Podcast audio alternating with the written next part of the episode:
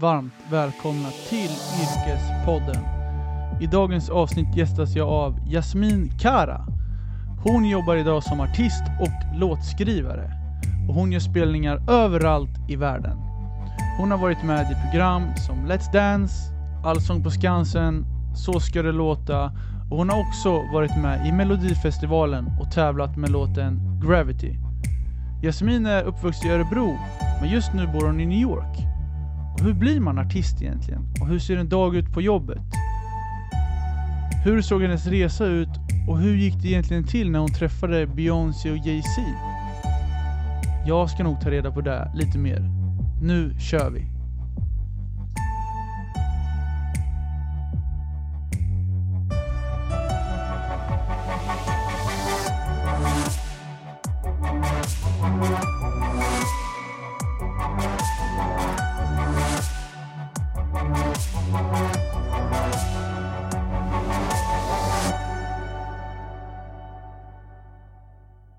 Det var då jag insåg att det här är det jag lever för. I gotta testify.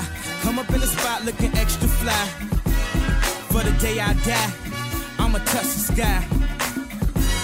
Gotta testify. Come up in the spot looking extra fly. For the day I die, I'ma touch the sky. Back when they thought pink polos would hurt the rock before Cam got the pop, Välkommen till Yrkespodden Jasmin. Tack så mycket, kul att vara här. Hur är läget? Jo, det är bra tack. Hur är det med dig? Jo men det är jättebra. Även fast det är så grått väder så ser jag fram emot eh, julen. Och Mm. på tal om jul, vart eh, firar du jul? Eh, jag är i Las Vegas i år faktiskt. Och, eh, det är inte som ett julfirande utan det är som en network, ett network-event för Radio Javan som är en persisk radio. Jaha, ja, vad ska ni göra där då? Eh, nej, vi kommer vara där mest för att networka och, och så. Och jag har haft eh, ganska mycket kontakt med, eller i år så har jag börjat med den persiska marknaden på musikmarknaden. Så att det är lite mest därför jag åker dit så. Okej.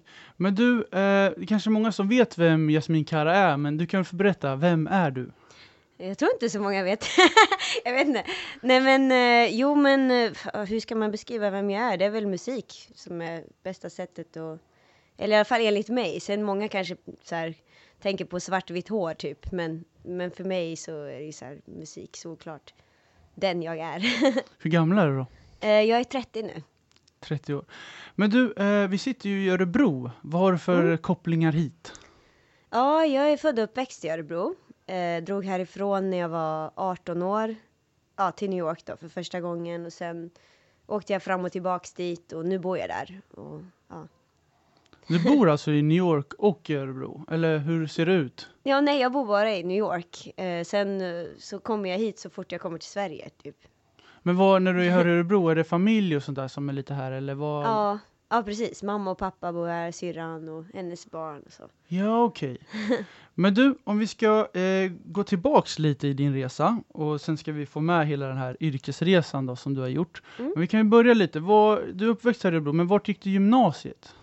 Ja, jag gick i, jag gick i Risbergska. Jag vet inte ens om det finns kvar. Finns det kvar? Jag tror det har lagts ner, men ja. Ja. Vad gick du där då? Eh, då gick jag musikestet, men jag var inte så bra i skolan tyvärr. men, ja. Fast musiken var du säkert garanterat bra på. ja, sådär faktiskt. Det var väl efter gymnasiet som, som det började hända grejer med musiken och som jag faktiskt började lära mig mer om musik och så. Så jag tyckte faktiskt inte gymnasiet gav så mycket om jag ska vara ärlig. det var, ja, kunde ha hoppat där liksom. Jag förstår. Men eh, om du tänker så här då, att när du var klar med skolan skulle du ju ut till yrkeslivet. Har du hunnit testa på några andra jobb än musiken? Ja, alltså det har man väl gjort. Jag har ju gjort allt möjligt. Jag började jobba när jag var 11 år redan. Så då började jag att dubba så här, TV, tecknade tv-serier. Och sen har jag städat trappuppgångar och du vet allt. Allt möjligt. Så här. Jag var karaokevärd från när jag var 16 och ja, och så vidare. Men när kom liksom musikintresset? När kom det in i bilden? Ja, alltså det kom ju redan när man var ganska liten. Alltså som 11-åring så stod jag på scen första gången. Men sen så la jag ner i några års tid och började igen, ja typ som 14-15-åring och då var det mer så här, okej men nu är det på, alltså mellan liv och död eller vad man ska säga. Så innan var det mer som en kul grej men nu är det någonting som jag bara, jag kan inte leva utan det liksom. Jag förstår. Och, och när tog det liksom kraft med musiken? Du vet, när blev du sedd kan man säga? Det var, ja det var faktiskt ganska komiskt men jag hade hållit på väldigt länge och så här tjatat verkligen på alltså skivbolag och A&Rs. På den tiden så var det så här superstor grej att så här, bli signad typ. Det var ju så här största drömmen då. Eh, och sen så var det inte förrän ett uppträdande som jag gjorde på en liten klubb i New York där två stycken stora artister kom in. Bara så här random. Vilka var det då? Eh, Beyoncé och Jay-Z. Nej, skojar du?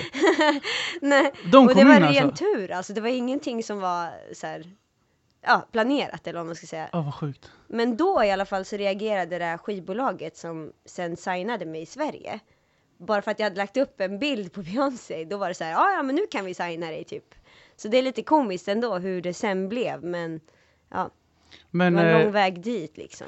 ja, nu när du är inne på det, hur var det att träffa dem där? Det måste ju ändå varit idolerna eller typ? Jo, det var det. Det var jättestort då. Men jag tror också lite så här, du vet, man kan dra till sig saker när man tänker mycket på dem och sådär. Så jag vet inte, det var, det var coolt. Det var så här, Men gick de fram till dig och typ sa så här, ja men fan vad bra jobbat, för de hörde väl dig obviously Ja. när, du sjöng det, eller hur gick allt till? nej jag sprang efter. Du sprang efter dem? Ja. jag sprang efter Beyoncé. Och så här in på toaletten typ och bara, kan jag få ta bild med dig? Du är min största idol typ så här. Ja. Jag skäms inte alltså. Nej, nej, nej. Det, det hade inte jag heller gjort om jag såg dem. Jag hade sprungit efter jag med. Men hur gick allt? Ja. Vad, sa, hann ni prata något eller? Ja, alltså hon sa, hon gillade ju det här, liksom, men och Jay-Z, jo vi pratade lite med honom innan vi såg Beyoncé där. Så min kompis Alexis typ sa till honom, hon bara you look so skinny, typ så här, för hon trodde inte att det var han, så jag vet inte varför hon sa det, men hon drev med han liksom. Han bara you look fat, så här, till henne. Och då hörde vi på rösten att shit, det är fan han. så han drev här tillbaks. Det är rätt rolig historia ändå. Men då tog du ett kort med dem och sen så Mm. hörde, och sen åkte du hem till Sverige sen, eller vad hände efter? Ja, alltså jag var ju där i typ en månad till, för jag, jag var ju gatumusikant då. Så ja, så jag fortsatte liksom med det ett tag. Så då åkte du ner till, eller du åkte tillbaks till Sverige och fortsatte med, med det här gatugrejen eller var det bara i New York? Äh, mest i New York, ja. Alltså från då kan man säga att jag åkte fram och tillbaks hela tiden, så jag har inte jag var liksom i Sverige typ var tredje månad för att inte behöva lämna landet, typ så här. Du vet, det är så här tre månaders, ja. Så, Okej, men eh, det här, du är ju signad av Warner Music. Var det de som signade dig då direkt eller har det varit något annat bolag emellan eller så? nej, alltså nu är jag inte signad av Warner. Nej, Eh, nej. det stod det på eh, Wikipedia, det var det. Jaha, okej. Ja, men det, det kanske är lite gammalt. Jag Ja, i så, i så fall så är min research dålig, då ber jag om ursäkt. Men. Nej då, det är ingen fara. var, vart är du signad nu? Nu har jag eget igen. Ja. Ja, okej. Så jag har hållit på och hoppat sådär ganska mycket. Först så var jag signad med eh, Cosmos Music. Och sen så var jag där i fem år. Och sen kom jag loss och då började jag på eget. Och då började det hända grejer och sen så, ja. Warner var ju bara för Melodifestivalen. Jaha, okej. Ja, för när, när, jag- researchade så stod det ju att skivbolaget var Warner, men okej, så du har eget Ja. idag? Ja, precis. Ja, men ja. berätta lite om det, vad är det? Ja, jag tycker det är skitkul. Alltså det är klart, det blir ju... Jag gör ju typ kanske tio personers jobb liksom. Man får göra PR, man får göra alltså, bokning och det ena och det andra liksom. Men eh, det som är positivt när man är lite så här dampig typ som jag är. så här, för att då, då är det ingen som stoppar en. Så det tycker jag är skitskönt att man kan verkligen så här få kötta på liksom och sitta på nätter och ja, inte så här vänta på det här releasen. Man kan släppa när man vill, man kan göra hur mycket man vill och så här. Det är ju bra att ha den friheten, men du säger som sagt, det måste vara mycket att göra. Hinner Mm. du med allt? Ja, alltså det mesta. Det är klart man skulle ju önska att dygnet hade fler timmar. Men det gör det ju inte, så då får man ju passa på att försöka utnyttja det så mycket som möjligt. Men, men många så här frågar mig, bara, men sliter du inte ut dig och så här och blir du inte stressad? Men jag kan ju känna så här att om jag är på semester, då blir jag skitstressad. Men när jag får verkligen jobba på i min takt då så här, då är jag lugn på något konstigt sätt, typ. Men, men jag, jag förstår lite vad du menar, för alltså, jag är också lite sån där som, eh, jag blir lätt rastlös. Ja, Som fan. Och då, då vill man alltid göra saker, sen när man Mm. inte gör någonting då tänker man fan jag tar inte vara på situationen. Typ. Mm. Är du lite samma där eller? ja verkligen. Ja, deluxe. Men det, jag tror det är bra, man tror man behöver det här drivet Mm. om man ska köra eget. Men eh, jag, jag är väldigt intresserad av att få reda på hur själva processen går till när du ska släppa en låt. Och det är ju allt ifrån nu när du har ett eget skivbolag, att du ska göra allt. Mm. Kan inte du förklara hur en process går till när man ska göra en låt? Alltså det, det ändras ju typ varje dag också, så det är lite svårt att här, säga exakt. Men, men eh, ja, först så skriver vi ju låten, liksom jag och oftast någon till, eh, producent eller så. Och sen spelar in den och sen ska man mixa och mastra och sen när den är klar så ska det vara omslag och så här. Och eh, kanske någon video. Och sen så, alltså minst en månad innan så börjar vi pitcha, eller vi, börjar jag pitcha till Spotify och så. För att försöka få in på playlists och, och så vidare. Och det här är någonting som jag precis har lärt mig nu att man måste göra. För innan var det så här, ja men alltså när jag blev signad då var det en helt annan grej. Då var det bara så här, du måste känna de här och det här. Du kan göra tv och så vet du att du säljer si och så många eh, exemplar typ. Men nu så har ju, alltså tv är ju ingenting. Alltså det är ju så här, det är som ett skämt typ. Alltså det är ju bara kanske 70 plays liksom. Och förr så var det typ så här, ja du 40 000 exemplar. Så det, är sån, det har blivit sån skillnad nu, så det ändras ju varenda dag. Eh, och jag håller fortfarande på och försöker lära mig om det. Så man måste ju liksom hela tiden sitta och så här, uh, uppdatera sig. Men är det så här, när du ska göra den här låten, det är ju massa olika processer som du säger. Det är först man ska skriva låten och sen så ska man producera den. Mm. Och, och jag kan tänka mig, så det är, det är ändå en, man behöver ju ändå ha typ en budget på allt det här. Alltså, för det Mm. kostar ju allting, i, eller hur? Ja, ja, precis. Ja. Och hur, hur gör du med budget och så här, hur lägger du typ att så här får det här kosta och eh, Eh, så här får det här kosta. Hur, hur lägger du upp sånt där när du har eget? Um, alltså, svårt att säga. Det är, man får hassla hårt, alltså verkligen. Man må, du, du kan inte så här, eh, så här, har du inte typ så här, kommer från en rik familj liksom, då måste du. Men, men grejen är att det är, ingenting är omöjligt och jag tror verkligen så här att du vet det viktigaste av allt om man vill göra musik, det är bara liksom, alltså ens passion. Alltså du vet, ju mer du älskar musiken, desto mer orkar du keep going så här. Och det beror på vart du vill liksom. Det finns ju olika sätt att göra det också, men vill man så här äh, göra det på den nivån att man når så många som möjligt, då måste man ju verkligen så här ge allting. Men när du ska skriva en låt, vart hittar du inspiration? Ja, överallt. Överallt? Eller ja, det kan vara allt från kompisar till någon story till ens eget liv liksom. Ja. Men du sa att du tog lite hjälp också ibland av andra låtskrivare. Mm. Hur, hur funkar den? Har är det folk du känner eller är det folk du bara hittar random? Hur funkar det? Jag, alltså jag brukar kontakta mycket folk så här. Tjena, ska vi göra en session och så här, du vet. Likadant som jag kontaktar så här radio eller den så här. Nu kommer jag till Örebro, vill ni göra ett reportage? Alltså du vet, man måste vara lite sådär. Eh, och så är det även med låtskrivandet. Och jag har haft jättetur att hitta så här, superbra personer att jobba med. Och vissa så här kan man tänka så här att det här kommer bli hur grymt som helst. Vi har samma typ av musiksmak. Men de samarbetena brukar inte bli lika bra som de som är helt eh, random. Typ, jag kommer ihåg till exempel, eh, jag hade en co-write med eh, Peter från Peter, Björn och John. Eh, och då så var jag ihopparad med honom från mitt förra skivbolag. Så, ah, det kommer bli en skitbra co-write. Och jag bara oh, tittade på honom, jag bara usch, så här, hipster, det här kommer bli åt helvete. typ så här dummande, du vet, och hemskt. Men sen efter en dag så hade vi så här åtta låtar, varav en av dem blev en singel som en av de som har streamats mest. Så att man vet aldrig liksom, man måste vara öppen. Det, det, det är helt sant, verkligen. Men jag var också lite nyfiken när du pratade med att eh, du ska ju sälja in det till Spotify och så här. Ja. Hur, hur säljer du in det till Spotify? Ja, du, alltså, ja, det är lite komiskt för jag, jag blev, jag visste inte hur jag skulle göra det, så jag blev helt desperat innan för nu när jag skulle släppa Smile till exempel, så fick jag mastern, alltså slutgiltiga, eller vad säger man, slutliga produkten så här sex dagar innan och det ska ju vara en månad innan helst. Så jag fick panik och jag drog utanför Spotifys kontor och bara så här, ja hallå hjälp, hur ska jag göra, hur får jag in den på playlist? Så här, och de bara, nej tyvärr, vi kan inte ge ut någon så här mailadress. Och så fick jag typ hota dem och bara, men jag står här tills ni ger en mailadress. Alltså jag, jag tycker det är helt rätt. Alltså helt rätt. Alltså, Man, man är ju lite psycho men vad fan. man behöver vara det ibland. Ja, nej men ja. Så på den vägen, så vi fick liksom hålla på och, eller jag fick så här hålla på och bara, ja. Har du någon typ av avtal nu med Spotify att när du släpper låtar att det blir automatiskt eller är det fortfarande stå och knacka på Ja, dörren? nej, I wish alltså, nej det är, det är fortfarande samma grej. Men man, man kan i alla fall pitcha det så här en månad innan nu och så.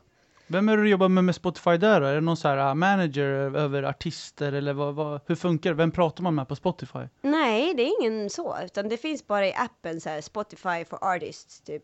Och sen går man in där och så, och så här, skickar in ISRC-koden en månad innan så, här, så att de kan lyssna om, om de vill ha någonting till sina playlists. Ja, för de behöver inte de godkänna sådana här saker innan det läggs upp. Ja, precis. Ja. Så ja. Jag förstår.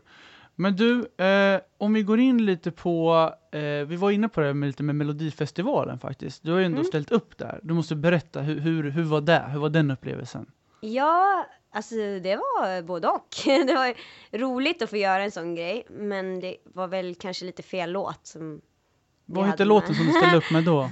Eh, Den heter Gravity och jag tror att våra största misstag som gjorde jag och, och, och liksom alla som var med där, det var ju att ehm, för låten när vi skrev den, det var ju i princip bara gitarr och sång. Så då tänkte vi att vi kan producera den ut efter det och det kommer bli skitfett och så här. Vi hade kommit med med den avskalade versionen då. Men sen när vi proddade upp den så blev den liksom jätte, jätte poppig och då kanske det kändes direkt så här.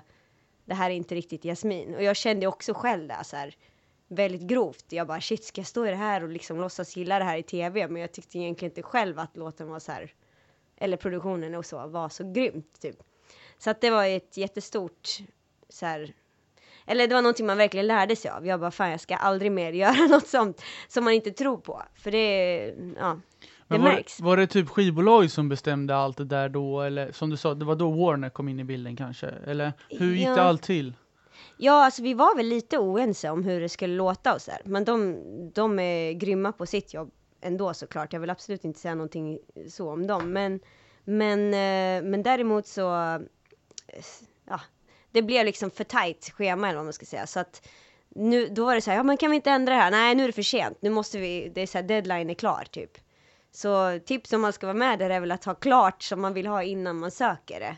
Typ. Men annars då, upplevelsen att stå på eh, stora arenor framför folk, det måste ändå vara jäkligt häftigt. Ja, fan. det är livet. Ja, men, men alltså det är det man vill göra. Det är typ så det enda jag vill göra i livet liksom. Det är att, att, att möta publiken. Men när, exakt som du säger, när du möter publiken, alltså, är det när du går upp på scen Mm. att du känner så här att ah shit, jag är fan artist typ? Eller alltså, tänker du mycket på sånt? Stannar Ja. du upp och tänker? Ja, alltså det, det som, är, som jag älskar med att stå på scen, det är att man tänker liksom inte på, alltså man är i en helt annan värld kan man säga. Det låter skitflummigt, men man känner sig som en lite så spindel i nätet typ. Att man så kastar ut trådar till publiken och sen bara binder ihop så här. Så det känns inte som att jag underhåller dem, utan mer som att vi tillsammans så här skapar någonting som är mäktigt, du vet. Och sen bara få jag vet inte, man tänker inte så mycket på något annat. Man tänker inte på hur man ser ut. Man skiter i liksom vad man gör egentligen. Man vet inte förrän efteråt vad som har hänt typ. Så det är lite som en så här, en drog som är, jag kan inte ens beskriva den, den är så, så himla nice. Jag, alltså, jag, jag, jag, jag kan ju inte fatta det, fast jag kan ändå fatta vad du säger. Jag är ju inte själv artist för fem öre. Men eh, jag köper det du säger. Det måste Mm. vara en mm, väldigt härlig stämning att vara där, där uppe och sen precis när du kommer ner där och inte eh, riktigt fattar vad som hänt förrän det, det sjunker in så att säga. ja, precis. Alltså man är ju inte blyg på scen. Det kan ju vara så här, i vanliga fall typ bara så här. Som till exempel nu när vi gör en intervju, då kan jag bli så här skitnervös. Bara, hur ska jag svara? Hur ska jag? Men när man är på scenen, då är det så här. Det bara kommer liksom. Ja, vad tror du att du har kommit, det här det är ju typ comfort zonen som man kommer ut från. När tror du det? Mm. När kom du ut från den? Ja du. Redan, ja, men redan typ första tidigt? gången när jag stod på scen. Var du väl säga. nervös då eller hur gick första, hur gick första gången? Jo men det gick bra. Det var på så här, talangjakten i Örebro, så det här var skitlänge sedan. Och eh, innan så var jag väl lite, eller väldigt nervös. Men sen så fort jag kom upp på scenen och bara, ah, ja, nu är jag hemma liksom. Och varenda gång som man står på scenen, det är också då man bara, okej okay, nu var det värt så här, allt slit. Jag skulle kunna gjort det 20 gånger igen liksom, bara för det här. För att det är det enda som betyder något. Jag tror liksom på något sätt att alla har sin grej liksom eh, som de är här för att göra typ. Det kanske också låter flummigt men likadant som du, så här, du inspirerar så många människor genom ditt program och liksom att det ändå det day, det känns så bra att ge så här någonting som man har och kunna få ge det vidare liksom till världen och, och det här är väl liksom min grej att kunna göra något typ. Ja, jag förstår. Men du, om vi tänker så här att man kan ju ha sina bästa dagar också i yrket och man kan ha sina sämsta dagar i yrket. Mm. Hur, hur, hur tacklar du jobbiga situationer när det är till exempel, ja men avtal blir inte gjorda, singeln tar för lång tid och ja men hur, hur tacklar du jobbiga situationer i jobbet? Mm, ah, shit. Bra fråga. Alltså, det är ju musiken som hjälper det också. Så jag försöker väl att bara... Alltså jag försöker att bara fokusera på vad jag kan göra. För ibland så är det så här, ja nu... Den här människan som har lovat att den ska eh, jobba för en, typ gör inte sitt jobb. Så här, ja men och den här gör inte det och dit och dit. Men vad kan jag göra nu? Så, här. så jag försöker att inte fokusera på det som gör en irriterad eller vad man ska säga. Utan bara så här, ja ja, då får vi lösa det på annat sätt. Så här. Och, och man får liksom vara kreativ hela tiden och komma på nya lösningar. Som, ja. Det, det, alltså, jag, jag förstår helt vad du menar. Alltså, bara släpp, släppa det negativa och försöka hitta no, något, någon positiv grej och bara, Mm. och bara fortsätta med det. Men jag är lite intresserad av, du har ändå jobbat som artist länge nu. Har du några häftiga artister du har jobbat med? ja, jag måste tänka. Säkert många, men eh, alltså som låtskrivare har vi ju jag och mest min, min kompis Farah som bor i LA. Jag och hon har skrivit ganska mycket till olika artister och så, men och sjungit med måste ju vara kanske Alltså John Lundvik och jag har jobbat ganska mycket ihop och skrivit mycket och så här. Och sen ehm, tycker jag också att det känns riktigt bra med Kristina Amparo. För jag vet inte, vi connectar väldigt bra soulfully. och Gun också, DJ Gun. Hon är också så här. Glöm inte DJ Gun. Nej, DJ Gun. Men Ja. det känns som att du, du reser väldigt mycket i ditt yrke. mm. Vart, vart är du någonstans när du reser? Ja, det är väl typ varannan vecka någonstans. Så det blir ju, alltså mest förutom New York så är det väl eh, London, LA. Som jag, bo, jag bodde i LA i tre år förut, men ja. och sen eh, Sverige. Men om du ska åka till typ London eller LA, vad, vad, vad gör ni där? Ni, ni gottar ju inte bara, ni har ju inte semester tänker jag. Ja, Det är mycket jobb. ja. Så, så hur ser en jobbdag ut om du åker till London eller LA? Ja, om det inte är studio så är det ju uppträdanden. Ja, det är det. Det, det är uppträdanden. men- Eller möten, alltså eller mycket möten. möten. Mm. Vad, är, vad är det för typ av personer du har möten med då? Alltså det är liksom antingen folk som kontaktar mig eller jag som kontaktar dem. Det kan vara allt från radiopluggare till eh, du vet bokningsagenter till det ena och det andra. Men när du ska in i studion då? Hur går allt till när du, när du kommer till studion och sen ska ni, ja men vi säger att ni ska göra en låt. Ja. Och, och det, det är ju lite bitar som ska falla på plats. Eh, vad, vad är din erfarenhet av att typ komma in där i studion och, och vad, vad börjar man med typ? Alltså det viktigaste är nog energin tror jag. För att ibland kan det vara så här.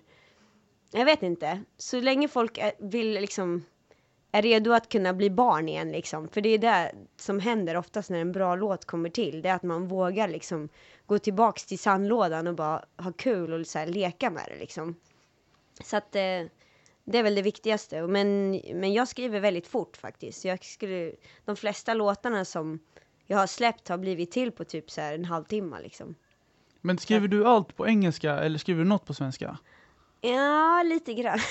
Inte så mycket svenska, men det har blivit en del på eh, spanska och persiska och så. Hur många språk kan du? Nej, jag kan egentligen bara engelska, eller svenska. Ja. svenska, engelska och sen lite av varje typ. Okej, Men det är lättare att sjunga på de språken än att prata dem. ja jag förstår.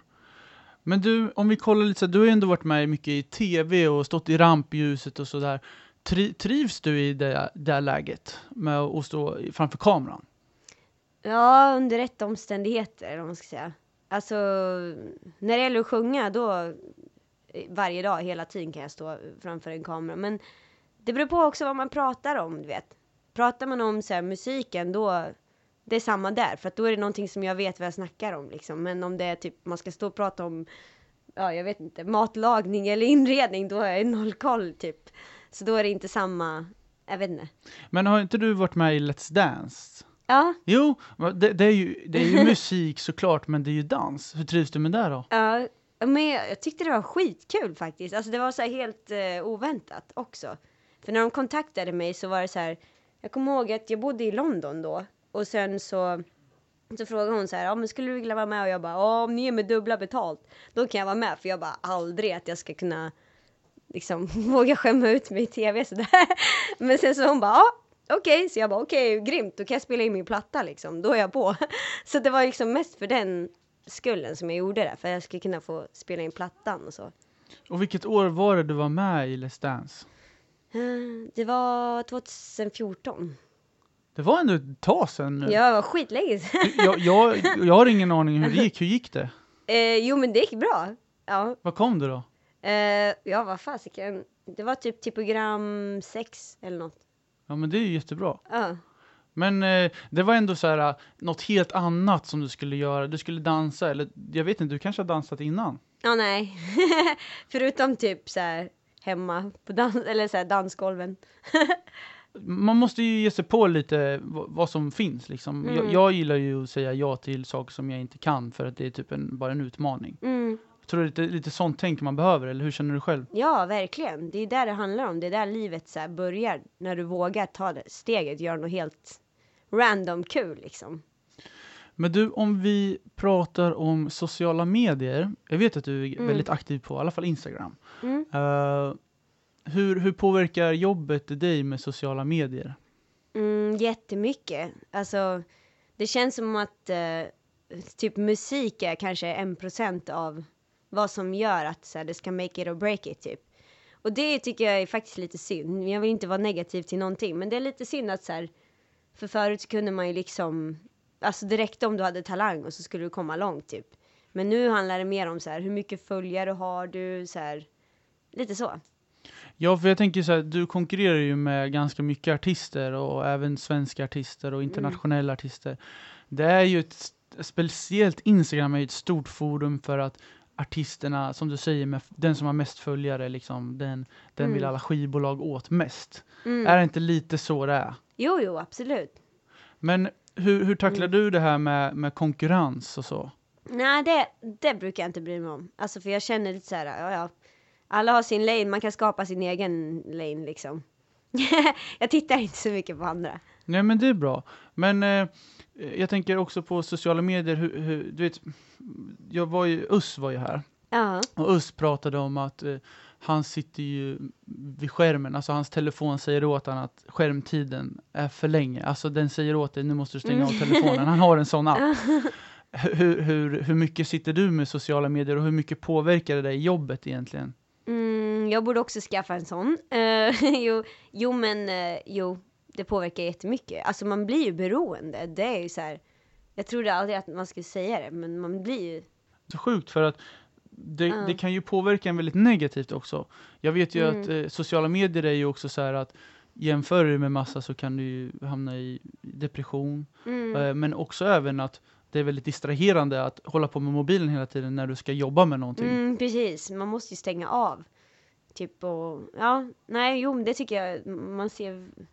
Man märker jättestor skillnad. Man vill typ bara gå in och svara några fans och sen gå därifrån. Men sen blir det helt plötsligt att så här, och nu får du till svar och nu får du till svar och sen blir det att man sitter typ en hel timme och bara svarar liksom. Sen bara, fan, för man vill inte vara en dryg jävel heller och inte svara och sen, ja. Jag, förstår det, jag förstår det helt. Alltså det, eh, Mm. man, man vill ju vara, försöka utstå som en, som en snäll person som vill svara på allt. Är det inte så? Men du, tiden kanske inte räcker till just Mm. den dagen, men det kommer typ. Mm, precis, ja. Men eh, sociala medier annars då, när vi är inne lite på det, du, du jämför inte med eh, konkurrenter, men jag tänker så här, blir, blir du typ, att om, om eh, artister får just, det kan ju gå snabbt i musikbranschen, Mm. att artisten får eh, det kontraktet du ville ha, eller att du ville jobba med den här killen och den sa nej. Är, är musikbranschen typ en, det är en, en, smutsig bransch? Jo, jo, det är det. Fast den blir renare och renare kan jag säga. Alltså för att på grund av att nu är det så många som kör independent och då är man inte beroende av andra på samma sätt. Liksom. Jag kan tänka mig i alla fall. Men däremot så försöker jag alltså, fortfarande. Det är ju så här, du vet.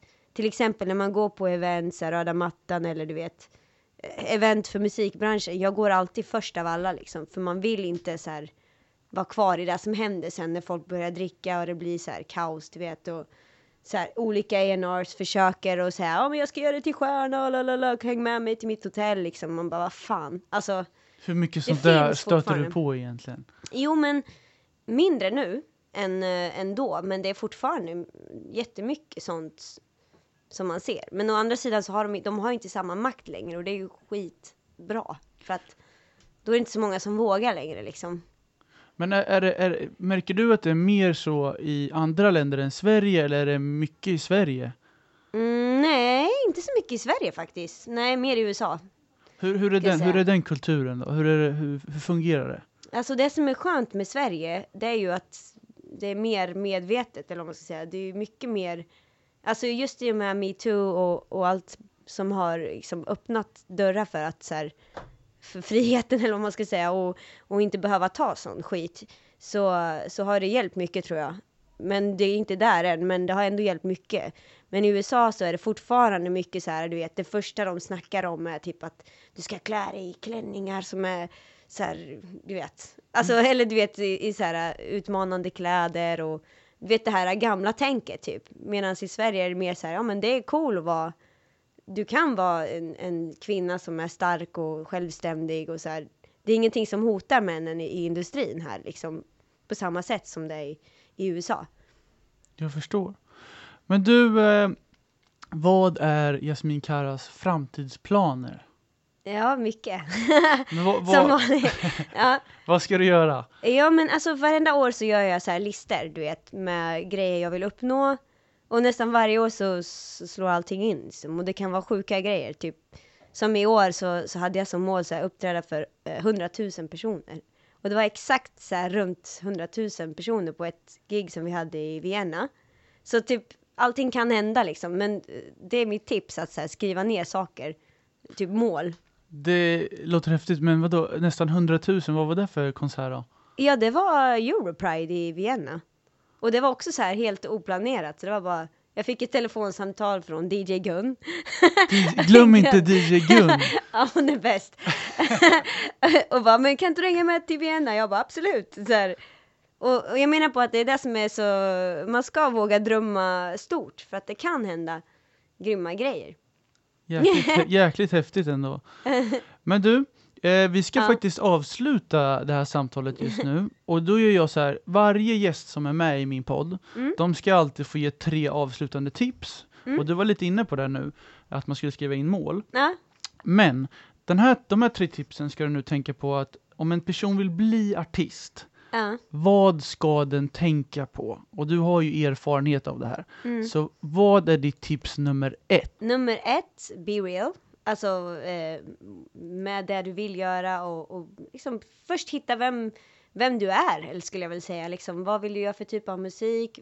Vem är du? Vad är dina statements? Liksom, lite som, alltså alla kan bli kändisar, men vad vill du bli känd för? Vad, vad vill du stå för? Eh, nummer två är att eh, bestämma kanske om du vill göra det på egen hand eller med skivbolag eller ja. Oavsett, förbered dig mentalt för att det kommer bli en tuff resa men det kommer också bli givande. Men det tar tid. Det kan ta tid i alla fall. Eh, och sen nummer tre. Gud, jag måste tänka bara.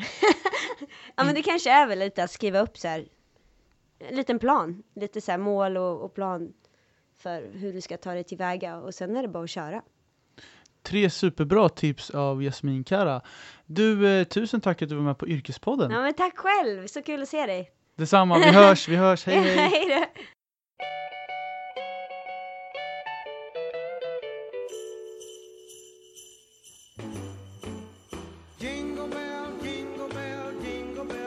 Hej hörni, Jens här från Yrkespodden.